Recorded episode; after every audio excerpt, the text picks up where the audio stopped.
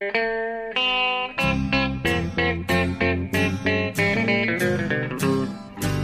out there, we're on the air. It's hockey night tonight.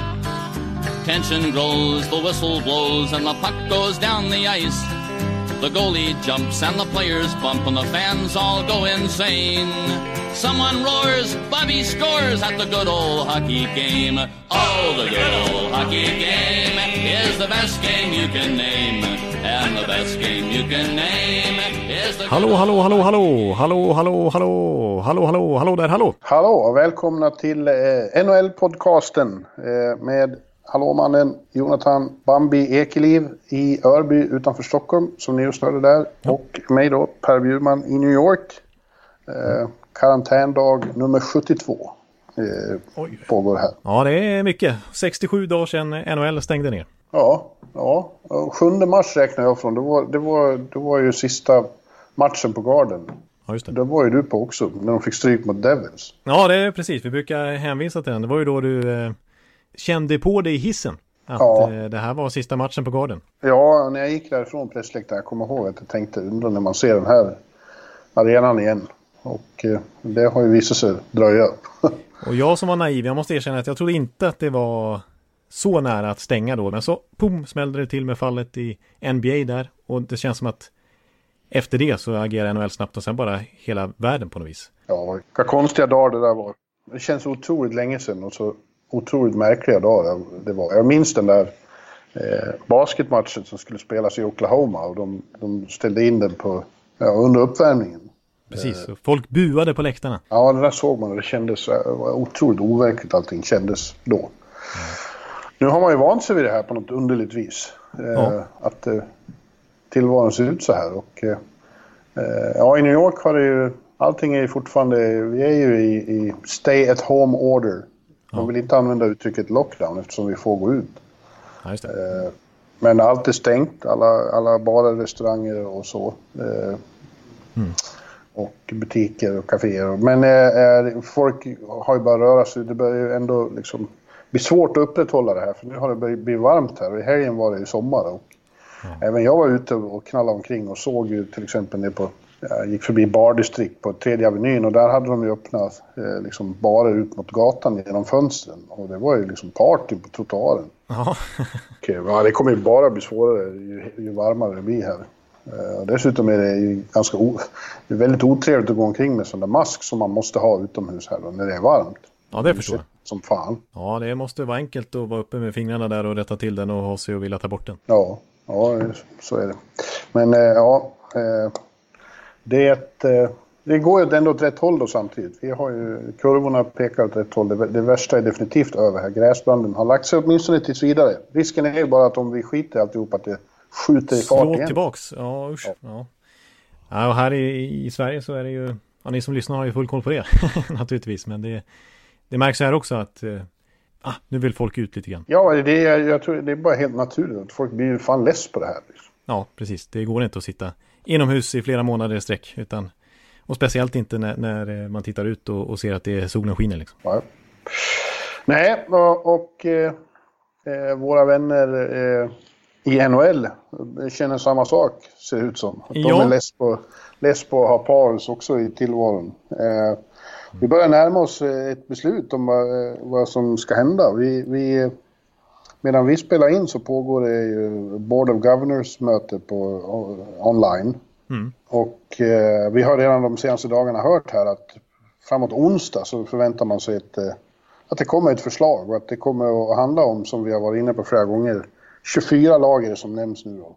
Utspridda på fyra orter där man bildar ett slags bubblor de här lagen ska befinna sig i. Och som jag förstår det, alla detaljer är inte kända än, men här, man kommer inte att spela färdig i grundserien, men man kommer, de lag som var med och slogs runt strecken kommer att, att vara inblandade i någon slags eh, play-in. Ja, precis. Det är väl lite fortfarande oklart och inte satt i sten något slags format här som ska presenteras på onsdag sägs det, utan det är fortfarande diskuteras hit och dit. Men som du är inne på, bara nu i helgen som var så pratas det om att spelarkommittén, en specialkomponerade med McDavid och Tavares har suttit och ivrigt förhandlat med ligans representanter och andra spelarfacksrepresentanter så där, att man börjar närma sig något liksom konkret. Mm. Eh, och det handlar ju, ja, du sa fyra orter där är det som det har pratats mest om. Jag tycker det nämns ganska mycket nu, även från Gary Bettman faktiskt, om kanske bara två orter faktiskt. Aha, okay, en okay. per konferens, tolv i respektive ort. Eh, ja, men då, det ställer ju till nya problem med logistik. Då måste man ju vara på väldigt stora ställen där det finns hotell eh, till exempel. Ja, precis. Och det pratas om att Vegas ska kunna klara av det. Men finns någon annan ort som klarar av det? För Vegas har ju så stora hotellkomplex ja. och de pratar om deras träningsfaciliteter. Och T-Dojan arenan där ska klara av det också. Men New York, men New York är ju minst aktuellt av alla för de letar efter ställen som inte har varit hotspots. Och det, det går inte att hitta någon mer hotspot än, än, New York. Å andra sidan är det ju så att vi går neråt och andra ställen i USA går uppåt. Eh, alltså vad gäller smittspridningen. Ja, så det smartaste kanske vore att vara här. Ja, för precis. Vi pratar ändå om juli kanske som det börjar bli aktuellt. På riktigt ja. då, alltså de här planerna. Eh, Tre, fyra, fyra arenor har vi att spela i här om det skulle vara så. Ja, just det. Ja, nej men eh, du sa där med Plains system och vi får väl se vad som presenteras. Men det som har läckt ut lite grann, som jag har förstått i alla fall, det som eh, är på bordet Eh, det är att det är som sagt 24 lag. Man skiter i de andra sju lagen som inte vill spela heller. Det har ju Erik Karlsson varit tydlig med, Drew Doughty och andra spelare också, eftersom att de är helt avsågade och inte vill samlas Ja, de är avsågade. Nej, ja. de har ingen, noll motivation och de ska inte behöva utsätta sig för det då. Nej, precis. Utan, och samtidigt så tycker många att spelare och sådär att oj, ska vi sätta igång slutspelet direkt? Alltså om det skulle varit 16 lag till exempel. Eh, ska, vi, ska vi bara gå direkt från ingenting på flera månader till att spela slutspelsmatcher? Det är ju skaderisk och allt möjligt eh, inte alls uppvärmda. Liksom. Nej, det kommer nog att ingå några träningsmatcher först, säkerligen. Ja, men då pratas det också om det här med att ja, men det här med 24 lagen, att det ska inte vara alltså plain och plain, utan det ska vara någon slags, alltså man samlas i divisionerna då. Eh, så att det blir fyra stycken, Atlantic, Metro, eh, Pacific och, och Central som vi känner till. Men då är det så att det är lite ojämnt i tabellen hur det ser ut eh, när vissa lag avsågade. Så i så fall skulle faktiskt Rangers flytta över till Atlantic så att det blir sex lag där. Sex lag i Metro och så bla bla bla upp till 24 lag. Eh, och sen skulle dessa lag i respektive division spela fem matcher, en mot varje konkurrent i sin division. Det är ju sex lag. Och så skulle man ha med, nu blir det krångligt här, så ska man ha med sig sin vinstprocent från grundserien och slå ihop den med sin vinstprocent i de här fem matcherna. Och därifrån ha en ny liksom divisionstabell. Och ettan och tvåan i respektive division då, de är klara för slutspel i ett vanligt 16-lags slutspel, ettan och tvåan. Trean möter sexan, fyran möter femman i ett play-in i bäst av tre matcher och sen har man ett slutspel med 16 lag. Hängde du med? Nej. Nej. det gjorde jag inte.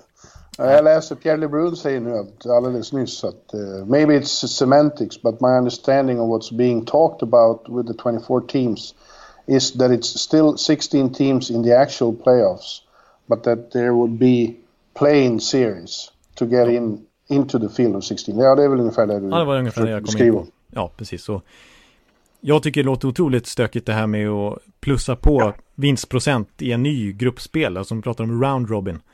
Eh, men eh, sånt här kanske jänkarna är mer vana vid. De är vana vid så här siffror och kolla på vinstprocent. Så funkar väl NBA-tabellen och kollar man på AHL-tabellen så är, kan man ju gå bort sig i den där vinstprocenten också. Eh, den är, är ju liksom det normala, även när det inte är en pandemi. Ja, så är det ju. Man pratar om 500 teams, och over 500 och under 500. Ja, precis. Ja, ja eh, låter ju... Men det här med, med två orter, var har du hört det någonstans? Nej, men jag har sett det på lite olika håll. Eh, så sent som idag så när vi spelade in på måndagen här så, så sa Gary Bettman att eh, det, det är 8 till 9 eh, arenor som fortfarande är aktuella. Först ja. var det ju 14 och, och nu är det 8-9. De ska komma ner till antingen 4 eller 2 som jag har hört då.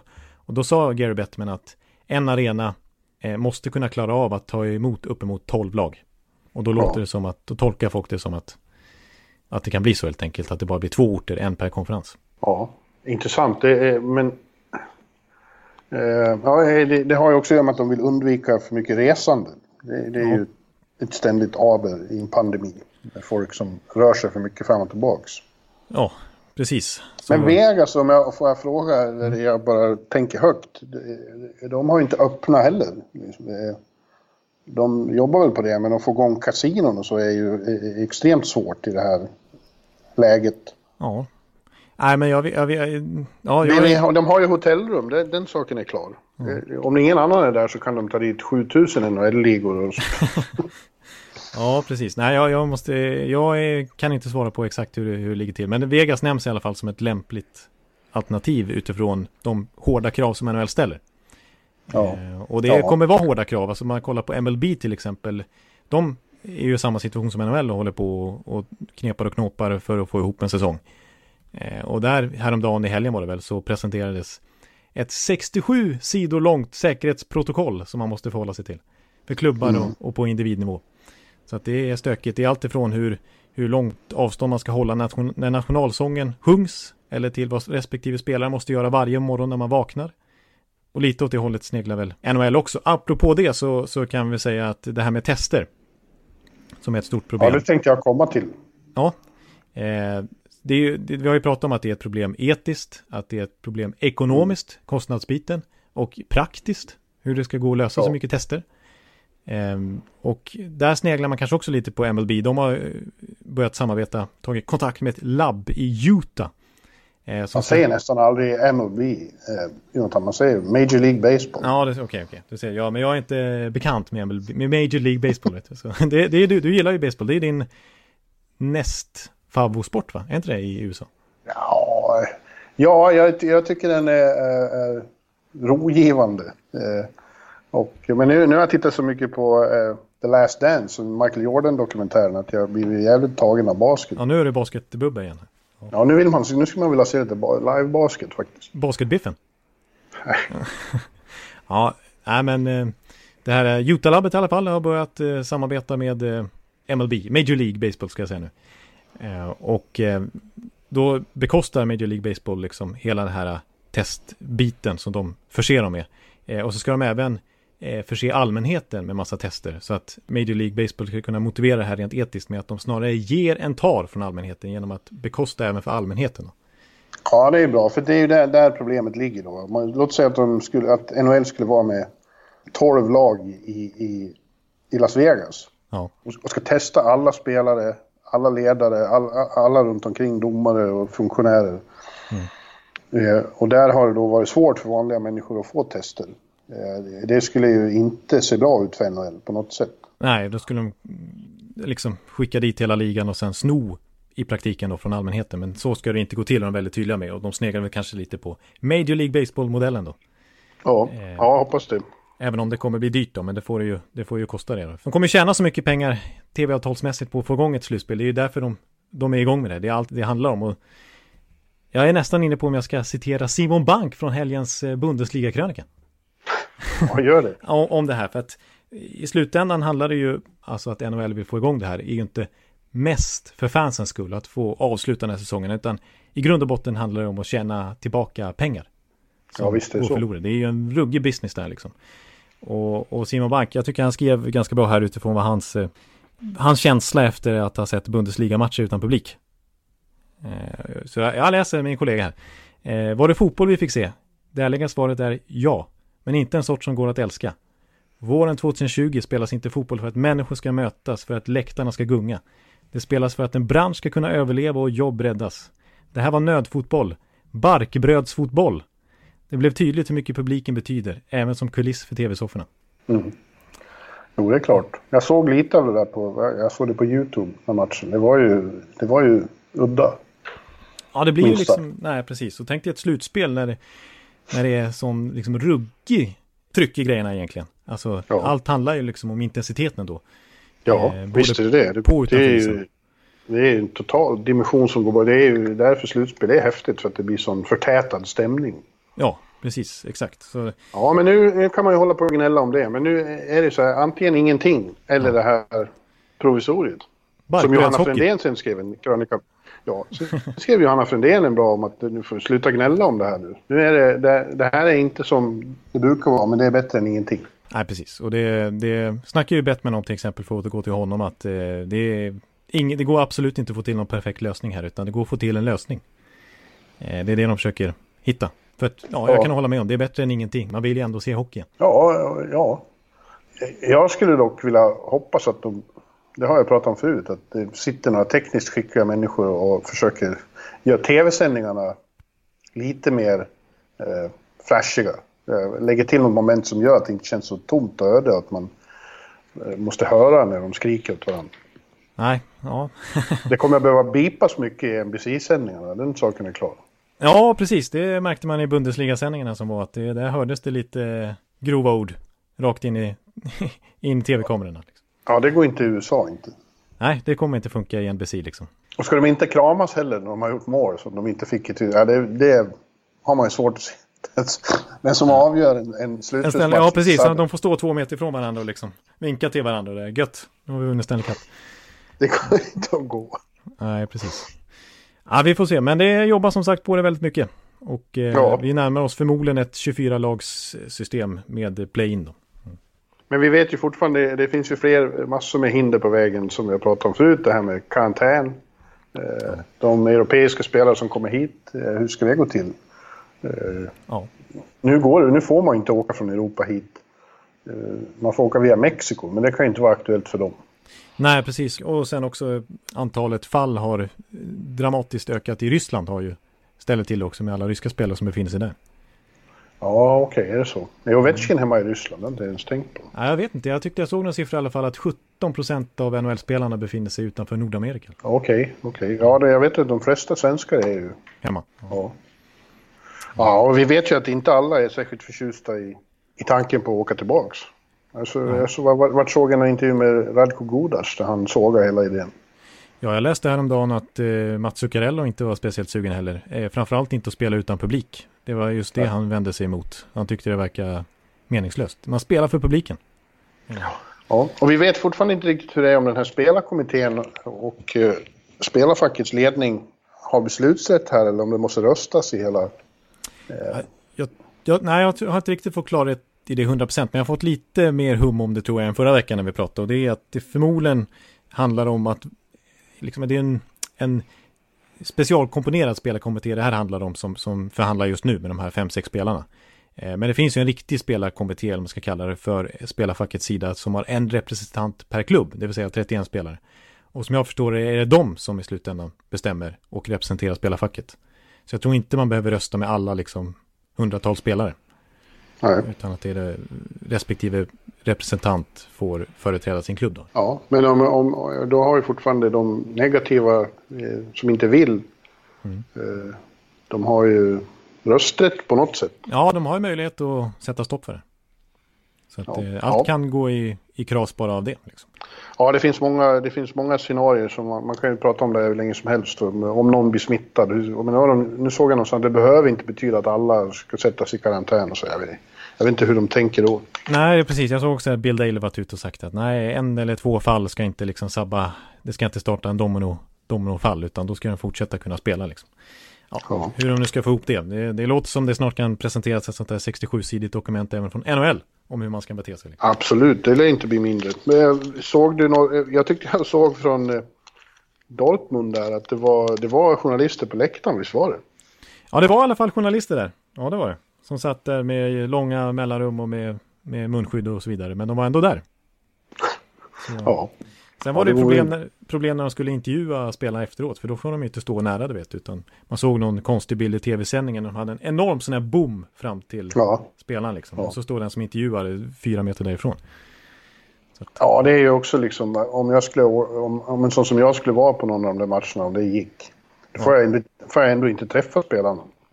Nej, typ inte exakt. Du får in, ringa och intervjua dem ändå efteråt. Liksom. Ja. Eller sitta och skriva in frågor. Jag, nej, jag vet inte hur det kommer gå till. Ja, det är... Eh, nej. Ja. Men du, en annan nyhet är ju då också att eh, draften som vi har pratat om en del, det börjar ju låta mer och mer som att de väntar med den tills, tills säsongen är färdig. Ja, precis. För som sagt, för två veckor sedan i alla fall, när vi pratade väldigt mycket om draften och då lät det som att det var nära förestående att liksom spika fast att det blir draft i, ja, kanske till och med i början av juni, sades det då. Eh, men nu, som du säger, det har ju mött så mycket motstånd bland framförallt general managers. Liksom, och ja. den sportsliga delen av klubbarna. Eh, som inte vill, eh, tycker det är helt ologiskt att genomföra draften innan en eventuell fortsättning på samma säsong. Liksom. så att, ja, vad jag förstår så har faktiskt Gary Bettman och ligapamparna där, alltså veto här att gå in och lägga draften i, i juni om de vill det. Utan permission då från klubbarna, ägarna. Eh, men om alla är emot så det, blir de inte populära om de gör det. Så att ingenting tyder på att det kommer bli någon draft i juni faktiskt. Det Nej, det låter mer som september. Vad de ju vill är såklart att, att få del av den här upp, uppståndelsen som NFL fick vid sin draft. Ja, ja det är precis det är allt det det handlar om. Ja.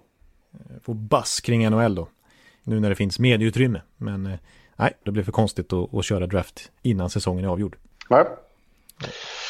Eh, vad gäller slutspelet i det parallella universum som vi har i bloggen så har det tyvärr det blir förseningar i västra konferensen. Den har inte riktigt... Ja, det blev något strul när Nashville skulle flyga till Edmonton så att, eh, de har fått skjuta, de har fått skjutas eh, fram lite. Ja.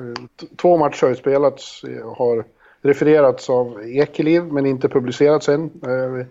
Eh, senare, någon gång den här veckan så kommer det. Ja, precis. Så vi får se helt enkelt. Det är inte avgjort helt enkelt och då kan vi inte diskutera än. Eh, så att vi vet ju hur det gick i de två första matcherna men, men eh, det får vi ju vänta med och, och, beskriva nästa vecka när vi vet hur det faktiskt eh, avgjordes. Ja, vi hoppas att vi är klara då. så vi har en final. Ja, precis. Men istället har jag startat en ny serie. Den, den första där med eh, alla lags eh, All-star-uppställningar, den blev ju klar till slut. Mm. Nu räknar istället ner de 50 bästa svenskarna i NHL-historien. Just det. Eh, bakifrån. Och eh, med, med kommentarer från andra spelare. Och det är lite roligt därför att eh, de är all, allihop är mycket bättre på att prata om andra än om sig själva. Ja, precis. Det har varit eh, fantastiska citat. Om du skulle ringa och prata med, vi säger till exempel Toby Enström, här som var tidigt på listan här. Eh, och han skulle prata om sig själv. Då skulle det varit så ödmjukt och snällt och liksom Sådär, och han skulle lyfta fram andra spelare istället. Men nu har du ringt till Victor Hedman till exempel, som han får prata om Tobias Enström. Ja, då... som han ser upp till väldigt. Tobias, alltså bildligt. Fysiskt så ser han ner på honom. ja, det kan man säga. Han är nästan dubbelt så lång. Eh, men han tyckte ju då att Tobias där är på, ja, vad var han på för, ja, han nu var på för plats. 47 eller vad 48 eller? Mm. Det är inte viktigt egentligen med, med, med rangordningen där i botten. Vi, vi lyfter fram väldigt bra spelare bara. Ja. Eh, och eh, ja, han, han sett Tobias var en, en av de bästa skridskoåkare han någonsin har sett. Gravt underskattad. Ja. ja, så det är ganska, det är lite anekdoter och ganska ja, ja. långa reportage om varje spelare istället för bara en kort kommentar. Uffe Samuelsson uttalade sig om Kjell Samuelsson. Det var kul. Han, ja. han tyckte att eh, han visste inte om han ville jämföra honom med Michael Jordan, men efter att ha sett den här serien så sa han att han tänkte på Kjell. ja, precis lika competitive och lika, lika, ställer lika hårda krav på omgivningen och, och, och sig själv. Ja, just det. Ja, det är ingen dålig ord att bli jämförd med Michael Jordan liksom. Nej. Och så var det kul att höra Ulf Dahlén om Johan Garpenlöv när Garpen spelade med, med Makarov och Larionov i San Jose. Grym kedja. Ja, den skulle man ju kunna tänka sig att ingå i. Ja, det var roligt. Han sa att eh, eh de vägrade, framförallt Larionov och Makarov, vägrade ju bara dumpa puck och jaga. Då spelade de hellre hem till backarna. Ja, precis. Ja, och det var passade Garpen. Man, ja. Garpen får ju bara eh, uppmärksamhet som, som förbundskapten, som coach. Men han var, var riktigt bra. Gedigen NHL-karriär. Ja, vi har haft, eh, eh, du sa Tobias där, vi hade också... Niklas Hjalmarsson. Niklas Hjalmarsson, ja. Mm. Eh, som Kronwall uttalade sig. Ja, just det. Ja, han hade ju sett och spelat mycket mot eh, Chicago när Detroit var central team. Ja, just det. Den, den var, det var ganska hårda duster mellan dem. Ja, det var ju det. Ett ja. antal år. Ja. ja, han tyckte att eh, Hjalmarsson var en av sin generations allra bästa defensiva backar. Och fantastisk på det med att täcka skott. Stryktårig. Ja. Eh, hög smärttröskel. Han såg honom ofta linka av efter att ha täckt ett skott. Och tänkte att oj, oj, oj, nu, nu är det kört. Men nästa byte ut igen. Ja, precis. Ja. Och just det där med att täcka skott det är inte bara mod utan det är väldigt teknik också. Man ja. måste ha timing, man måste veta hur man ska liksom vinkla kroppen och så vidare. Ja, ja visst det är det. Det är det faktiskt. Och det tycker och jag har utvecklats mycket sista 10-15 åren jämfört med det var förr i tiden också. Ja, och läsa skottlinjerna och så. Ja, så är det. Det finns ju vissa som är verkligen experter på det. Ja, ja och sen hade vi idag, om jag, om jag får fortsätta tjata om det. Ja, han gör det.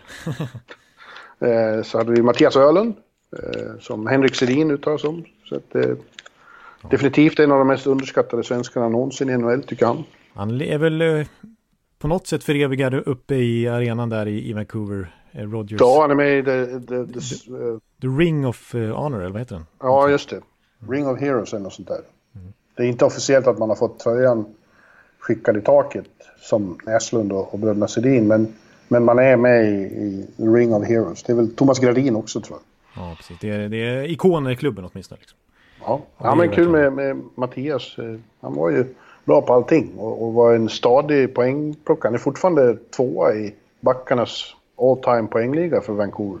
Ja, det är inte dåligt. Och han kom till Tampa och gick till konferensfinal också. Ja, den som precis har passerat honom är Edler. Ja, just det. Edler är ju faktiskt etta nu i Vancouver. Ja, ja. Jo visst, han kom till eh, Tampa så och det var ju lite spännande för Tampa var ju ute efter, uttryckligen efter en mentor åt Viktor. Ja, som var rookie när Mattias kom och Viktor har ju tillskrivit Ölen stor betydelse.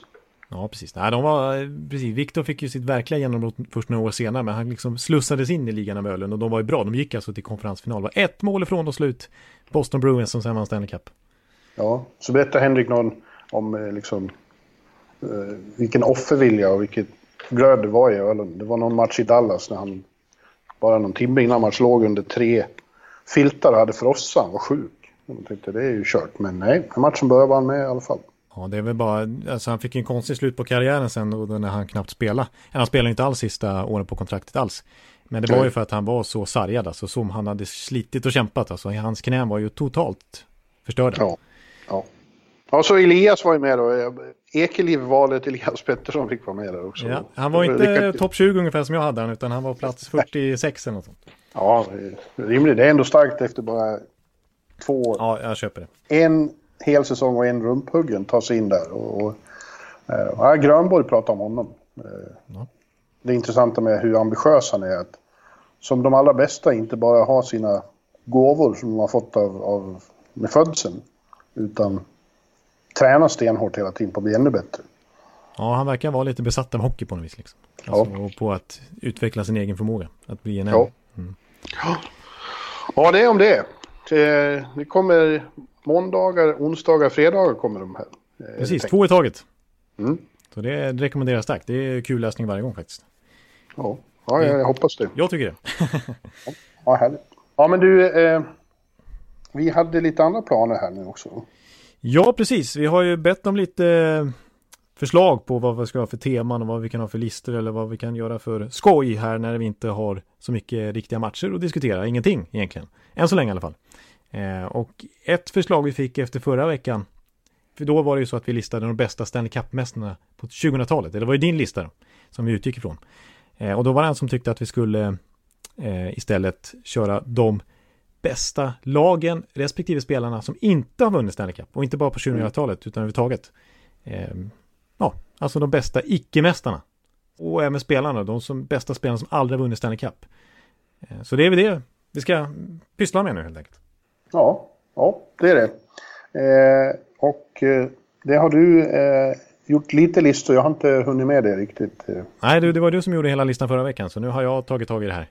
Eh, mm. Och jag har ingen, nej, jag har inte som du, för du var ju väldigt ambitiös och listade då liksom alla 19 lag som hade vunnit Stanley Cup under 2000-talet förra, förra, förra veckan. Jag har ingen sån lista, liksom ranking, utan jag har mest bara skrivit ner massa lag, bra lag, som, jag, som aldrig vann Stanley Cup helt enkelt, eller någon upplaga något visst år som aldrig vann. Också ett, ett gäng spelare, det finns ju mängder av superstjärnor och Hall of Fame-spelare som aldrig vunnit Stanley Cup, men vi får väl gå igenom vissa av dem då. Ja, de har jag bättre koll på än hela lag, men några lag Ja. ja. Alltså det känns som man kommer, man kommer blanda lite här och var, för man kommer komma in på lag där det finns spelare vi vill gärna diskutera också. Jag vill göra en klassiker dock först innan vi börjar. Gissa vad jag ska göra. Ja, nu, nu ska det drickas kaffe. Nu ska hämtas kaffe. Ja. ja. jag kommer tillbaka. Ja, det är bra. Ja, ska jag ta medan Bjurman är borta bara säga att ett av lagen som definitivt kommer med här det är ju Tampa Bay 2019 alltså. Usch. Ja, vi ska snacka om andra lag. Jag vet att ni vill höra det, men 2019 alltså Tampa Bay slår nästan poängrekord i alla fall. De har delat mest antal segrar i NHL-historien i grundserien. 62. Det är bara Detroit 95-96 som har lika många segrar under den grundserien. Jag är tillbaks. Vad, vad, vad sa du nu? Ja, nu, nu medan du var borta så passade jag på att prata lite Tampa Bay för jag tänkte att du skulle ta bort det annars. Nej, men eh, förra året liksom. Det var en historisk grundserie. Ja. Eh, 20 poäng fler än något annat lag. 30 mål fler än något annat lag. Kutjerov sätter poängrekord på 2000-talet för någon spelare under en och samma säsong. Men så tar det slut på sex dagar, 0-4 matcher mot Columbus. Det var ju dunderfiasko. Men det laget, den prestationen i grundserien var ju unheard of eh, sen millennieskiftet. Liksom. Så att ja. det var ju ett bra lag. Men, eh, Väldigt bra, men eh, det, det, blir ju mest känt som ett av tidernas fiaskon. Ja, det, det är svårt att, att benämna det som ett av de bästa lagen som inte vann. Ja.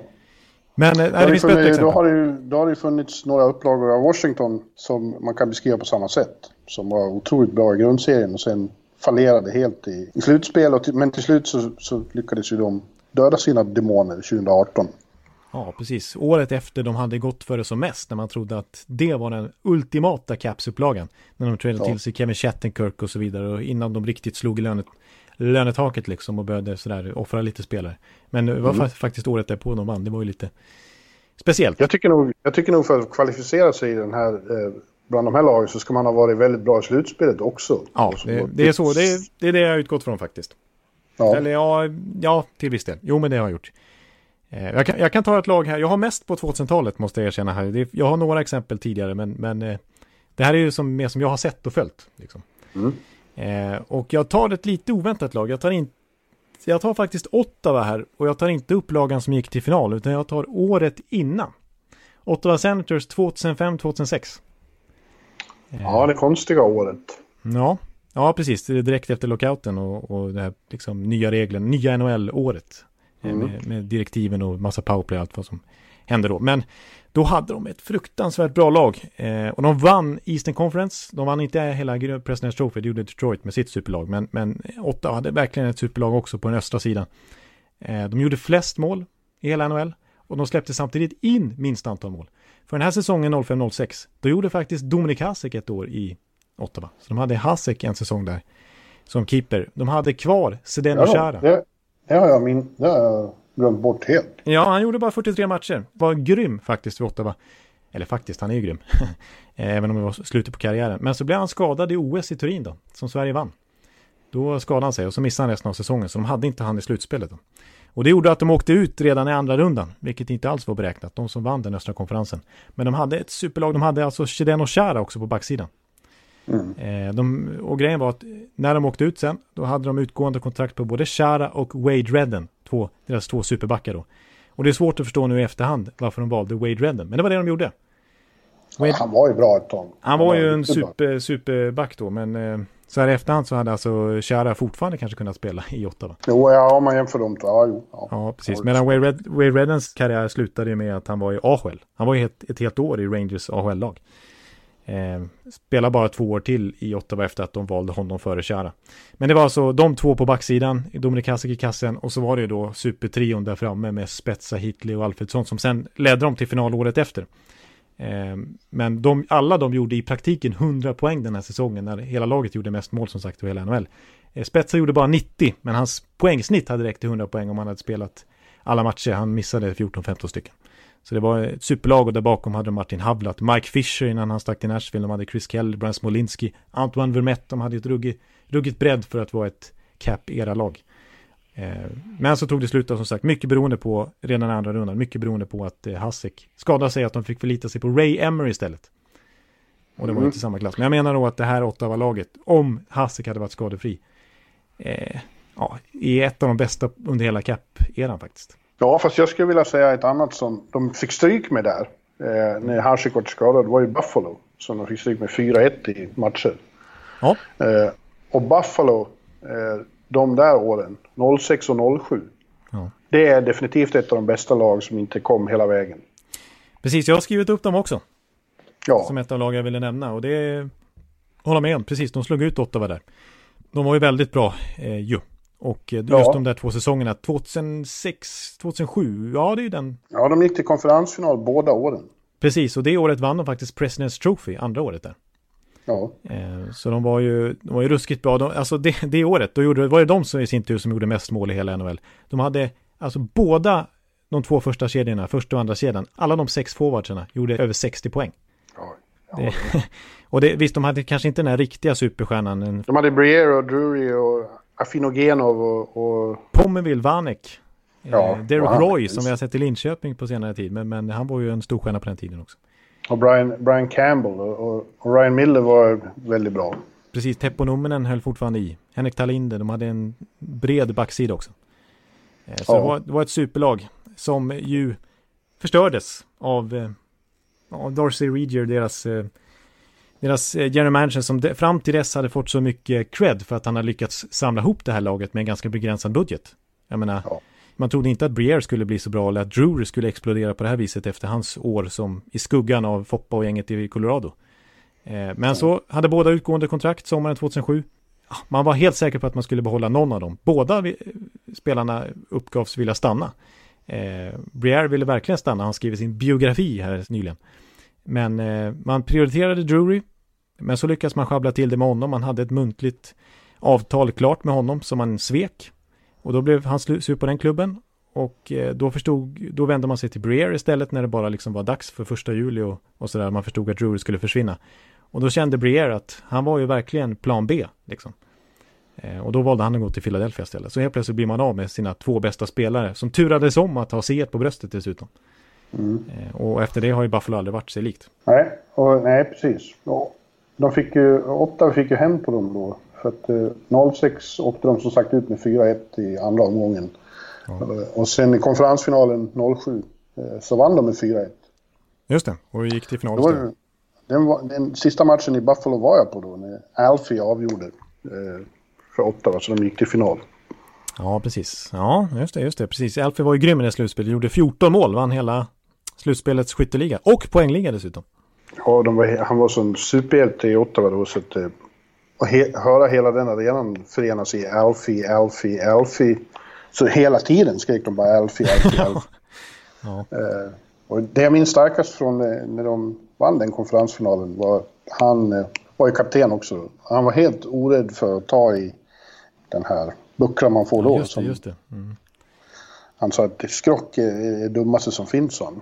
Så jag stod bredvid honom, jag inte skulle få se, han pratade svenska. Så gick han och hämtade och stod och höll i den. Ja.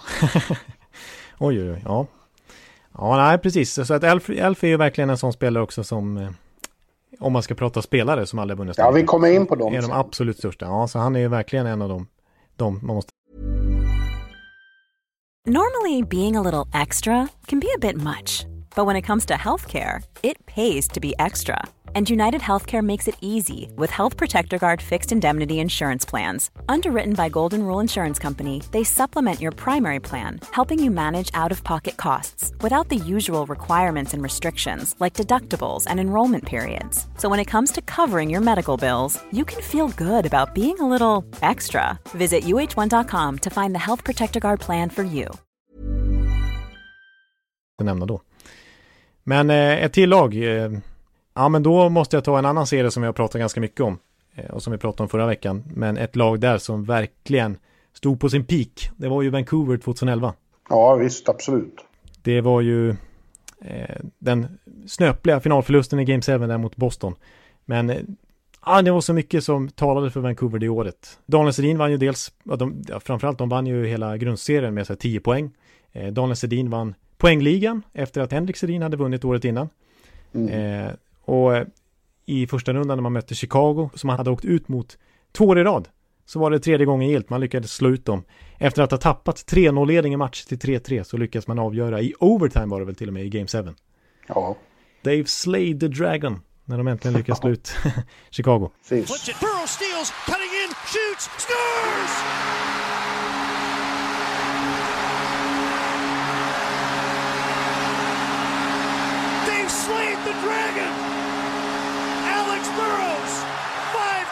shoots, scores! overtime. Game 7 goes to Vancouver and the Canucks are off to the second round. Och fram till finalen så där när de slog ut San Jose så var det double overtime dessutom också. Så det var liksom episka liksom förutsättningar för att ha sig Hollywood-manus fram till klubbens första Stanley Cup-titel någonsin. Man hade 2-0 matcher mot Boston och man får en Game 7 på hemmaplan till slut, men man torskar. Ja, vi har ju varit inne på det där så många gånger att det var den konstiga, konstiga finalen. Med ja dessa blowouts i Boston. Ja, precis. Men, men superjämna matcher i Vancouver där till slut Boston vann i Game 7 då. Men det var ju som sagt då, alltså om man inte bara pratar om det konstiga så var det alltså ett otroligt Vancouver-lag. Definitivt bättre än det laget som torskade finalen mot Rangers 94. som visserligen hade Pavel Bure, men, men det var ju en skräll att de gick till final. Det här var ju superfavoriten Vancouver som skulle kröna den i princip perfekta säsongen med att vinna Stanley Cup. Ja. Roberto Longo i kassen.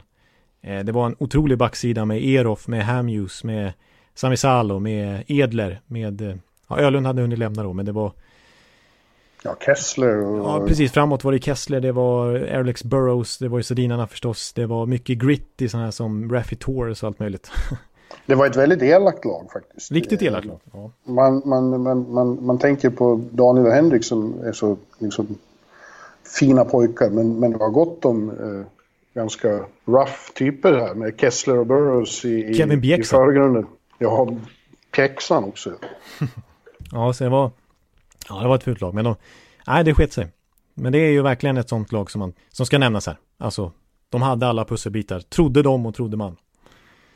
Men det skett sig.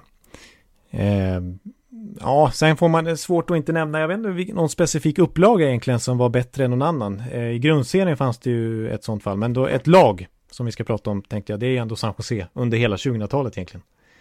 Mm. Jag vet inte vilken säsong man ska peka ut. De, de vann ju President's Trophy 08-09, men då åkte de ut redan i första rundan mot Anaheim. Man ska men... väl peka ut 2016 när de gick till final tycker jag. Ja, det är väl kanske... Då var, kanske... De, ju, då var de ju riktigt bra eh, genom hela slutspelet också. Men eh, vart frånåkta av Pittsburgh. Ja, exakt. Det är ju de, de genomgående trenden är ju Thornton, Marlowe, Pavelski. Liksom, de har ju varit med på hela resan. Sen har det varit väldigt många bra spelare. Tidigt 2000-tal och sen slutet av 2000-talet. I slutet har det varit Burns och gänget också. Men tidigare var det ju eh, Rob Lake. Det var Jonathan Chichu. Det var Evgenij Nabokov i kassen. Mm. Eh, de hade Danny Hitler ett tag. De, de försökte med allt möjligt att omgärda sin kärna med ännu mer kvalitet, men de har aldrig lyckats. Men Nabokov försvann ju innan den här riktiga storhetsperioden inleddes. När de var så väldigt bra i slutspelet. Och det var ju jävla olycka. Om han ändå hade varit lite yngre mm. så hade de haft en riktigt classy målvakt också. Det är ju det som har saknats. Framförallt på slutet. Ja, precis. Martin Jones håller inte. Han var ju bra i slutspelet när, de gick, när de gick till final. Det måste man ge honom. Men eh, totalt sett så, så håller han ju inte måttet Nej, för att man ska vinna Stanley Cup. Liksom. Och dessförinnan var det väl Antiniemi ett tag också? Ja, det går inte. Jo, det gick för Ja, det gick 2010. Uppenbarligen går det, men han är ju inte tillräckligt bra. Man, ja, de hade behövt en bättre keeper helt enkelt. Ja. Och det behöver de fortfarande. Men jag tycker man kan nämna, det var vi inne på redan förra veckan, att eh, Detroit eh, 06 och 07, om man ser till eh, framförallt grundserien då, men även 07 så var de ju eh, stångades med Anaheim in i slutet liksom. Eh, mm. Det var ju ett fruktansvärt bra lag. Ja, de vann ju President's Trophy år efter år där. Ja. Men så, så lyckades det på något sätt inte studsa deras väg när det väl var slutspel. Liksom. Ja. Men sen vann de till slut. Så, eh, ja, jag har... Ja. Men det måste ju finnas, jag får erkänna dålig koll på det, men det måste ju finnas ganska gott om från förr i tiden. Ja, det, det gör det ju egentligen. Som vi inte har hunnit gå igenom. Nej, precis. Alltså, det finns ju mängder på... Och, framförallt tycker jag att det är kul att, att prata om de lagen som inte vann varken förr eller senare så att säga. Alltså, för man kan ju säga så här till exempel ja men vissa Detroit-upplagor och vissa Colorado-upplagor på 90 och början av 2000-talet. Men de vann ju sina Stanley Cups ändå. Mm. Men ja, man kan ju säga Philadelphia till exempel, både på 80 och 90-talet, alltså dels 90-talet med Eric Lindros generationen som var i final. Legion of Doom-kedjan med Renberg och Leclerc och, och Lindros. Mm. Det var ju ett mm. riktigt bra lag. Eh, men också på 80-talet med lite stjärnor som liksom inte har fått ett så stort erkännande att man pratar om dem än idag. Eftersom att de var i skuggan av Gretzky och gänget. Eh, faktum är att 1985, Pelle Lindberg-året, det, det, är hans sista säsong innan han förolyckades när han utsågs till eh, Vesina-vinnare, bästa målakt i hela mm. ligan. Då vann de ju faktiskt mm. grundserien, eh, Philadelphia. Det var mitt i liksom mellan två dynastier. Det var mitt emellan, det var kort efter att Islanders hade vunnit sina fyra raka. Det var precis i samband med att Edmonton tog över helt med Gretzky. Och ändå så gick Philadelphia och vann där ett år. Grundserien. Eh, och gick till final mot, mot Oilers, men det hade inte chansen mot Gretzky till slut. Nej, det var, det var Per-Erik Eklund med också, var på sin, toppen av sin förmåga. Ja, precis. Fantastisk hockeyspel. Ja, och eh, så här som vi inte ens nämner i Kanadalaget som någon ikon och det är klart han inte platsar där bland All-Star team men till exempel Tim Kerr Som ändå gjorde, hade fyra raka 50 målsäsonger där för Flyers på 80-talet. Eh, så det var ett bra lag. Brian Propp, bra namn. Eh, Pelle Lindberg förstås. Så att eh, mm, Flyers hade nog haft några generationer som inte har, som borde ha vunnit en Stanley Cup-titel. Ja, och sen så tänker jag till exempel Buffalo Sabres då som aldrig har vunnit Stanley Cup och är långt ifrån att göra det nu. De är väl... Ja, men de har vi ju just pratat om. Ja, precis, men jag tänkte alltså, det var inte bara där, det var ju på 70-talet framförallt. De var i final 99 då. Ja. Men, men eh, på 70-talet hade de ju, de som står staty utanför arenan nu, som du tog foto på mig och publicerade i bloggen när vi var i Buffalo. The Friends Connection Line. Ja, precis. Med eh, Gilbert Perrault, René Robert och Rick Martin säger man, eller Rick Martin, hur man nu vill uttala det. Det var ett superlag också, men det var svårt där på, på 70-talet att ta Stanley Cups i konkurrens med inte minst Montreal, men även Bobby Orrs Boston och, och så Philadelphia. Eh, med Bobby Clark till exempel. Så de lyckades aldrig vinna en Stanley Cup då heller. Nej. Men de vann, eh, de vann ju sina två på 70-talet. Alltså i Philadelphia, eftersom du nämnde Bobby Clark nu. Ja, ja, precis. Philadelphia lyckas vinna då i alla fall, men inte, inte Buffalo trots ett väldigt bra Ja, du drog ju upp Bobby Clark, så jag började tänka på Philadelphia direkt. Ja, ja de vann ju med eh, Broad Street Bullies. Mm. Ja, men jag, jag, i moderna tider kan man också nämna båda gångerna Boston har förlorat sina finaler, 2013 och senast då 2019. Ja. Också två väldigt bra Boston-upplagor. Ja, som kändes kompletta. Från mm. Tuka Rask i kassen med liksom bredden i försvarsspelet med Kära McEvoy och så vidare och sen eh, ja, Bergeron-generationen här och Marchand då. Kryddat med Pasternak 2019. Och Calgary 2004. De var egentligen bättre än Tampa. nej, det tycker jag inte. Nej, det tycker jag inte. ja, nej, det, nej det, det går jag inte med på. Då skulle Men jag säga Iginla, att... Iginla år, det var ett väldigt bra lag. Ja, Kiprosov i kassen. Mm. Ja. Oh. Men det, there can be only one som eh, E-Type har slagit fast. Ja, det är han vi får hålla oss till. ja. ja. Nej, men... Eh, ja, det finns säkert fler lag vi skulle kunna nämna här. Jag vet att eh, man brukar dra upp Montreal 89 till exempel. Och, ja, det finns många upplagor man kan, man kan vända sig till. Men ja, det har vi några exempel i alla fall. Ja. Eh, ska vi ta lite spelare istället så kan, kanske vi naturligt kommer in på några fler. Ja, inte nödvändigtvis. För ja. det är många spelare som har spelat i, i var det fantastiska fast de, fast de har spelat dåliga lag. Och den, den man först kommer att tänka på tycker jag är Mats Sundin. Ja, jo det är sant. Den mest, eh, uh, sett i statistiken, mest framgångsrike svensken i NHL-historien. Uh, flest mål, flest poäng. Ja. Kom uh, så nära som till konferensfinal 2002. Men, men nej, det blev aldrig någon Stanley Cup. Var, var de till och med i konferensfinal 99 eller? Jag tror nästan ja, det. Ja. Ska se. Jo, de var i konferensfinal 99 också. Ja, Stryk mot Buffalo. Ja. Det bekanta Buffalo. De som återkommer nu, vare sig de vill eller inte, höll jag på att säga. Ja, nej, och lite otur också kanske för Sundin. Alltså han blev ju en ikon i, i Toronto och satt massa klubbrekord där och är verkligen legendar och står staty själv utanför arenan. Eh, ja. Men, men eh, Ja, alltså två år innan Colorado vann sin första Stanley Cup, den 96, när de flyttade till Denver från Quebec. Två år innan dess så tillhörde ju Sundin Quebec. Och hade ja. kunnat varit en del av liksom Colorados dynasti.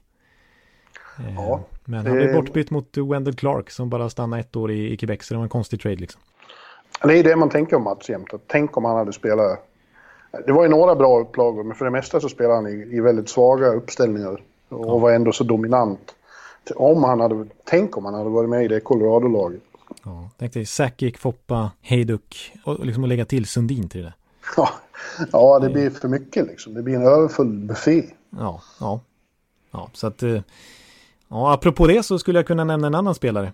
Faktiskt. Ja, jag men jag, ska, jag vill gå över till en annan eh, innan du gör det. Okay, ja. Sen ska du få fritt... Eh, för det finns ju en annan svensk legendar i Toronto som det är precis likadant med. Och det är ja, Börje. Just det. Mm. Eh, som ju spelade otroligt många säsonger där och aldrig fick kröna karriären med, med, med en kupp. Snacka om att han förtjänade det efter sina offer på isen. Ja, precis. Exakt. Han var ju... Han offrade ju verkligen allt för att vinna. Och det har vi pratat ja. om när vi pratade Sverige-avsnittet där och till och med fans ville donera sina egna ögon när han hade en ögonskada där till exempel. Ja.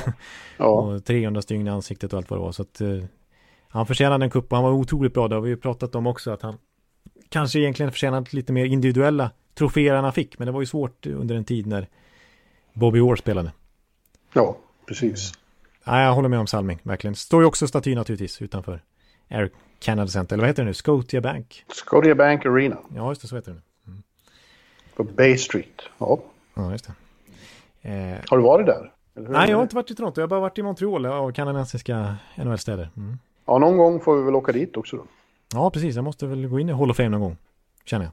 Ja, ja eh, keep on going med din Ja, jag hade, jag hade lite segways. Jag har flera jag kan ta nu. Ska jag ta den första jag hade efter Sundin? Mm. Ja, vad var det för segway jag hade då egentligen? Jo, jag hade ju det här med att det kanske blir för mycket i Colorado. Det kan bli för mycket av det goda och det blev det 03-04 det året som Tampa vann. För att då hade Colorado egentligen ett sjukt lag. Skulle också kunna nämnas som ett av de bästa lagen som inte vann Stanley Cup på pappret, men de var inte speciellt lyckade på isen. Slutade 4-5 i grundserien bara och sen så åkte de ut redan i andra rundan. Jag pratar om Colorado 03-04 med Foppa, med Sakic, med hela det gänget. Plus Sellen och Caria. Som kom ja, just det. Och Paul Caria var min segway egentligen då, för det är han jag skulle prata om. Alltså han är ju en fantastisk NHL-spelare, verkligen, som har varit bra under lång tid, men som aldrig vann Stanley Cup. Eh, många tunga ögonblick i hans hockeykarriär tycker jag. Redan tidigt då när han missar straffen som Salo räddar så att eh, Sverige vinner OS-guld 94 i Lillehammer. Och så 2003 när de var i final, Anaheim mot New Jersey, han blir tacklad medvetslöst där i Game 6. Kommer ut, ska jag absolut inte få spela egentligen, men kommer ut igen senare i matchen och, och gör mål och, och det blir Game 7. Och sen året därpå gå till Colorado för att vinna Stanley Cup då med det här superlaget, men det går inte vägen heller. Nej, det finns inga garantier på det sättet. Precis, det är så mycket som ska stämma för att det ska bli Stanley Cup och han har aldrig, han har varit nära flera gånger men har inte räckt hela vägen för Paul Carrea som jag haft. Ja, nu har han ju faktiskt blivit en offentlig person, eller liksom börjat uttala sig offentligt igen och synas lite men han, han gick ju under jorden nästan kan man säga efter karriären för att han hade ju väldiga hjärnskakningsproblem. Delvis efter den där Scott Stevens-tacklingen. Han hade sex hjärnskakningar tror jag i karriären. Ja. Och, och, och det var ju så illa så att när Teemu Sellenes tröja skulle hissas upp till taket så dök inte radarpartnern Korea upp. Vilket var otroligt anmärkningsvärt. Han var väl den mest givna personen efter familjen att dyka upp på den ceremonin.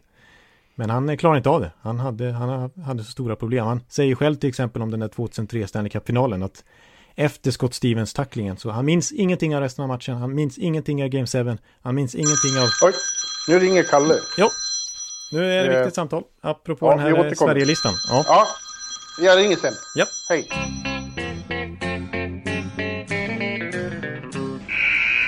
En annan som ofta nämns som en av de största som, som aldrig vann Stanley Cup är ju Marcel Dion. Ja. Som tillbringar karriären i, i Los Angeles som ju var för det mesta riktigt, riktigt pajiga på den tiden. Ja, ex exakt. Det var inte ett tillräckligt bra lag ja, ingen skräll att de eh, gick efter Wayne Gretzky sen för att liksom väcka liv i Los Angeles Hockey. Men de hade ju egentligen en riktigt stor stjärna innan också som du säger, Marcel Dion. Alltså han är ju, vad är han, typ 4-5 i tidernas poängliga i hela NHL. Ja, 731 mål och 10, 1040 assist. Eh, när man har spelat för ett lag som nästan alltid var i botten. Det är ju helt fantastiskt. Ja, sexa säger att han är genom tiderna i poängligan i NHL. Det är otroligt. Och han var ju högaktuell för vårt kanadensiska All-Star-lag också. Men han blev petad i sista stunden kanske ja. skulle varit med. Men det är just för att han aldrig har den här Stanley Cup och sådana här grejer som, som man eh, värderar ner honom lite grann historiskt. Men det är ju som du säger en otrolig artist och en fantastisk spelare. Ja. Så han, ja. han, han, är, han är verkligen nämnvärd här. Han är en av de första som ska upp på en sån här lista. Eh, jag har, skrivit, jag har skrivit ner en liten lista så han är med där. Jag kan nämna några till, till som vi har varit inne på delvis. Typ Pavel Bure har ju vann ju aldrig. Nej, eh. ja, en av de största ryska artisterna någonsin. Fan när han, när han kom åkande över isen. Ja, alltså det där när de gick till final 94, en skräll att de gick till final mot Rangers då med Vancouver så då gjorde han alltså 16 mål det slutspelet. Så man kan inte mm. beskylla honom för att inte bidra tillräckligt Nej. till att få lyfta Stanley Cup till slut. Sen gick han till Florida som faktiskt var i final 96. Det var ju innan han kom. Men, men sen när, när han kom dit så var det ett riktigt bottenlag. Så det var ju i princip hopplöst för honom att lyfta upp dem. Och det var ju innan, innan cap-tiden. Så att det var ju de hade inte resurser att bygga ett slagkraftigt lag utöver Burel. Liksom. Phil Housley måste vara med på din lista också, din gamla favorit. Phil Housley, ja precis, verkligen. Tokgiven i vårt USA All-Star teamlag. Det är en av de bästa amerikanska backarna genom tiderna. Mm. Men eh, han var i final, Capitals 98 och det, det blev väl 4-0 i matchen där mot Detroit. Men det var närmast där han kom. Men det var ju också en fantastisk back. Ja. Eh, apropå backar, som jag tänkte nämna som en segway som hade passat till Börje Salming också, för det var samma generation. Eh, var... Segway är ett ord du tycker väldigt mycket om. Ja, det har jag precis. Jag tror jag har fått det från Patrik Syk. Våran podcastchef ja. på, på Aftonbladet. Ja, han jobbar mycket med segway. Eh, men det hade varit eh, samma generation som Börje Salming. Eh, Brad Park. Ja, absolut. Jag, jag, är inte riktigt säker på att jag vet vad segway betyder ens. Nej, jag vet, alltså det är, det är ju, det är, segway är ju en sån där man åker runt på. Eh, och det är väl att man åker, åker en sån mellan ämnena helt enkelt. Aha, en sån där som ni har på gatorna? Ja, precis. Det känns inte som att det är riktigt... Eh, 2020 åker inte runt så mycket segways längre, men, men för ett tag sedan var det mycket sånt i alla fall. Okej, okay. och, och vad har, ja, ja, då förstår jag ännu mindre vad de har med det här att göra. Ja, det kan det, jag måste erkänna att det är en, det är en, det är en haltande, eh, haltande sätt att formulera sig på. Men eh, ja, ja, vi tar en segway i alla fall till, till 70-talet där Börje Salming och eh, Brad Park, alltså som ju eh, Alltså Salming slutade ju tvåa och trea och var nominerad flera gånger till Norris Trophy bakom då Bobby Orr. Eh, men faktum är att Brad Park slutade tvåa sex gånger bakom Bobby Orr. Ja, ja, hans öde är ju att han var samma era som Bobby Orr. Ja. Och, och, inte var riktigt, riktigt lika bra, men ganska nära. Och det är, bara det är otroligt. Precis, och då tillhörde han, hörde ju han Rangers. Och sen kom Bobby Orrs skadeproblem och han fick ju lägga av. Och eh, vem kom till Boston då? Det var ja, Brad Park. Brad Park. Ja. ja. Blev nya Bobby Orr. Men då vann de aldrig någon Stanley Cup, trots att han var jättebra där också. De åkte väl ut flera gånger mot eh, Guy Lafleurs Montreal. Så att eh, det, det, blev ingen ny Stanley Cup för Boston när, när Park kom dit. Så han är också en sån som verkligen ska nämnas. En jättebra spelare men som aldrig vann Stanley Cup. Eh, Mike Gartner har jag skrivit upp också. Ja, det är också en på topp 10-listan. Som eh, får väldigt lite uppmärksamhet nu för tiden. Ja, alltså han har ett otroligt NHL-rekord, Mike Gartner. Han, eh, och det här är ju liksom inget som Gretzky eller någon annan har kommit upp i heller. Så han har 15 raka säsonger med över 30 mål. Ja. 15 år i rad med över 30 mål. Och så tillhörde alltså New York Rangers när de gick till final 1994 och vann Stanley Cup. Men Mike Artner blev tradad på trade deadline till Toronto. Så att han fick inte vinna nästa cupen med, med, med, Rangers. Och uh, istället blev det ju Glenn Anderson som han blev bortbytt mot. Så att Glenn Anderson fick lyfta sin sjätte Stanley Cup. Medan Mike Artner rånades mm. på sin första. Ja, det är bittert. Ja. Så det var ju, ja, det, vi kan fortsätta. Så Cam Neely är en sån här fantastisk spelare som ju inte fick göra som Ray Bork och byta bort, byta sport sen. Han hade, hans karriär blev lite förkortad också på grund av skador, men mm. han är ju en stor stjärna också. Eh. Mer samtida Eric Lindros. Eh. Ja, ja. Och så förstås Henrik Lundqvist då. Ja, Lundqvist är ju svårt att komma ifrån. Han är också med på, på sådana här listor och, och på våran lista. Teoretiskt sett har han ju fortfarande chansen. Eh, ja eftersom karriären inte är över. Eh, och vem vet, de, de kanske slår sig fram och vinner det här konstiga året i, i, i det nya formatet. Ja, men vet. Helt osannolikt är det inte. han har ju hållit sig i form vet du, Göteborg. Det har inte de andra, många andra spelarna inte gjort utan han har ju, Joel har skjutit på honom. Liksom. Mm. Uh, nej, men han, och det är svårt att beskylla honom för att liksom, för det är också en sån här grej när man rankar tidernas bästa målvakter så inte Henke Lundqvist, han sållas bort fort liksom på listor för att han inte har en Stanley Cup-titel ens. Men det kan man inte beskylla riktigt honom för heller. Så hans Stanley Cup, vi har ju pratat mycket om hans statistik och slutspelsstatistik när vi hade Sveriges eh, för några veckor sedan. Men alltså den är ju fantastisk, hans slutspelsstatistik inte minst. Alltså det tog sju Game 7 innan han till slut förlorade en Game 7. Och på de sex första Game 7 han spelade så släppte han in max ett mål per match. Ja, ja han var helt otrolig då. De största matcherna. Ja, exakt. Och från 2012, alltså innan dess så hade faktiskt Rangers med Lundqvist lite problem i Elimination Games fram till 2012. Men från 2012 fram till nu så är Henke Lundqvist record, alltså 15 segrar av 21 Elimination Games. Så mm. det är otroligt alltså, 70, över 70 procent i matcher som laget har riskerat att åka ut så har de vunnit med Henke i målet. Att, Men det gick, inte, det gick inte där i, när de hade chansen mot LA. Det pratade vi om förra veckan. Ja, precis. Det var ju snöpligt. En jämn, jämnare serie än vad 4-1 verkar som i matcher. Mm. Eh, det var ju tre övertider. Så att, ja. Nej, han, är, han är definitivt med Henke Lundqvist här också. Sen en annan nutida aktiv spelare som ju verkligen nämns och ska nämnas, det är ju Joe Thornton. Ja.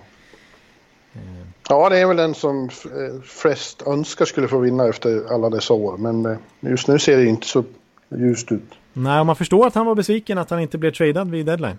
Han var ju öppen då för att, för att skickas iväg från San Jose.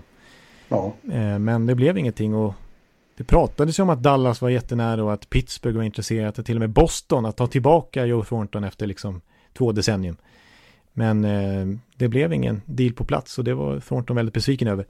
Om han gör en säsong till, vilket det verkar som, han verkar inte vara redo att sluta. Då går han in på sin 22 säsong i ligan och då kanske, kanske han kan få som Raymore Bork, att sin 22 säsong och ja. vinna Stanley Cup till slut. Det är inte, det, igen, det finns inga garantier bara för att man hamnar i en bra klubb. Nej, precis. Det ska mycket till efter det också. Liksom, ja. Det ska gå hela vägen. Ray Borg kan ju spela någon säsong i Colorado ja. innan det hände. Det var andra året i Colorado först som mm. vann. Mm. Ja, Alfredsson har vi ju nämnt och vi får väl nämna igen då som sagt. Alltså, han har ju ändå spelat 124 slutspelsmatcher i sin karriär.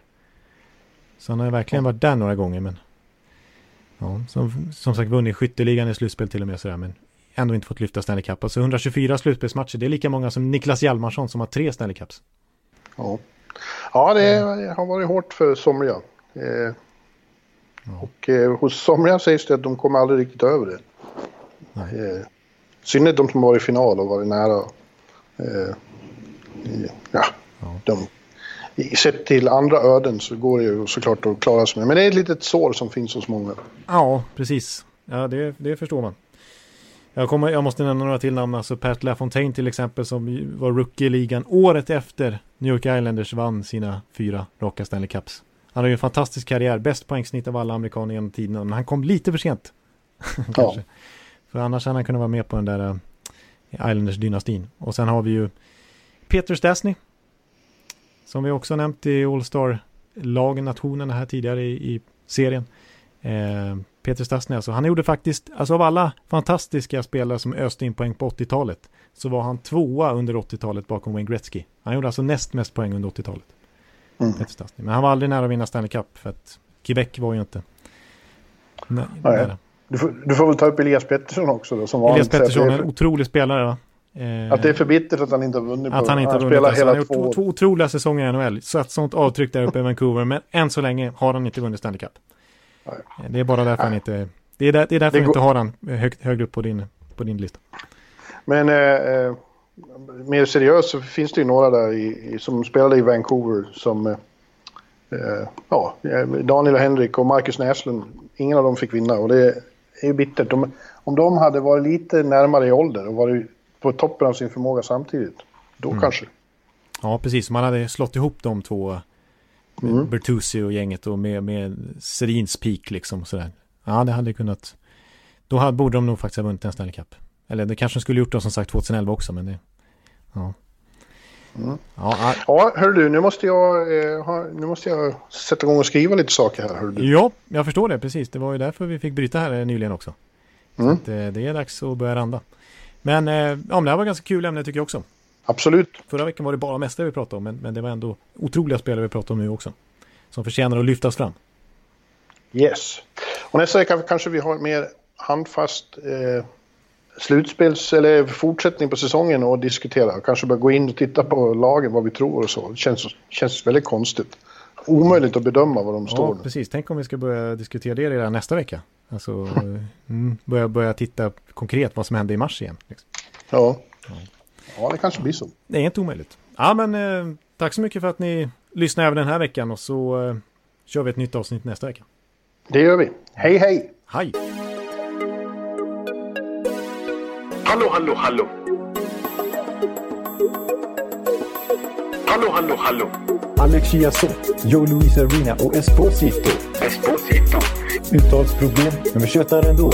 Och alla kan vara lugna, inspelningsknappen är på. Bjuder Hanna Kohl, han är grym i sin roll. Från Kållesoffan har han fullständig kontroll på det som händer och sker. Det blir ju allt fler som rattar in hans blogg. Och lyssna på hans podd. One, two, three, speed, so Hallå, hallå, hallå! One, two, three, speed, so Hallå, hallå, hallå! Ekeliv, som är ung och har driv. Verkar stor och stark och känns allmänt massiv. Han hejar på Tampa och älskar Hedman. Sjunger som Sinatra. Ja, och det ser man. Nu är det dags för refräng. Dags för magi, Victor Norén. Du är ett geni. Så stand up med tung and remove your hats. Höj volym, för nu är det plats. One, two, time, speed, so Hallå, hallå, hallå. One, two, time, speed, so Hallå, hallå, hallå. One, two, time, speed, so Hallå, hallå, hallå. One, two, so. Det er utroligt længe siden mor, der samtidig også har råd. Hallå, hallå, hallå. Det er utroligt længe siden mor, der samtidig også har råd.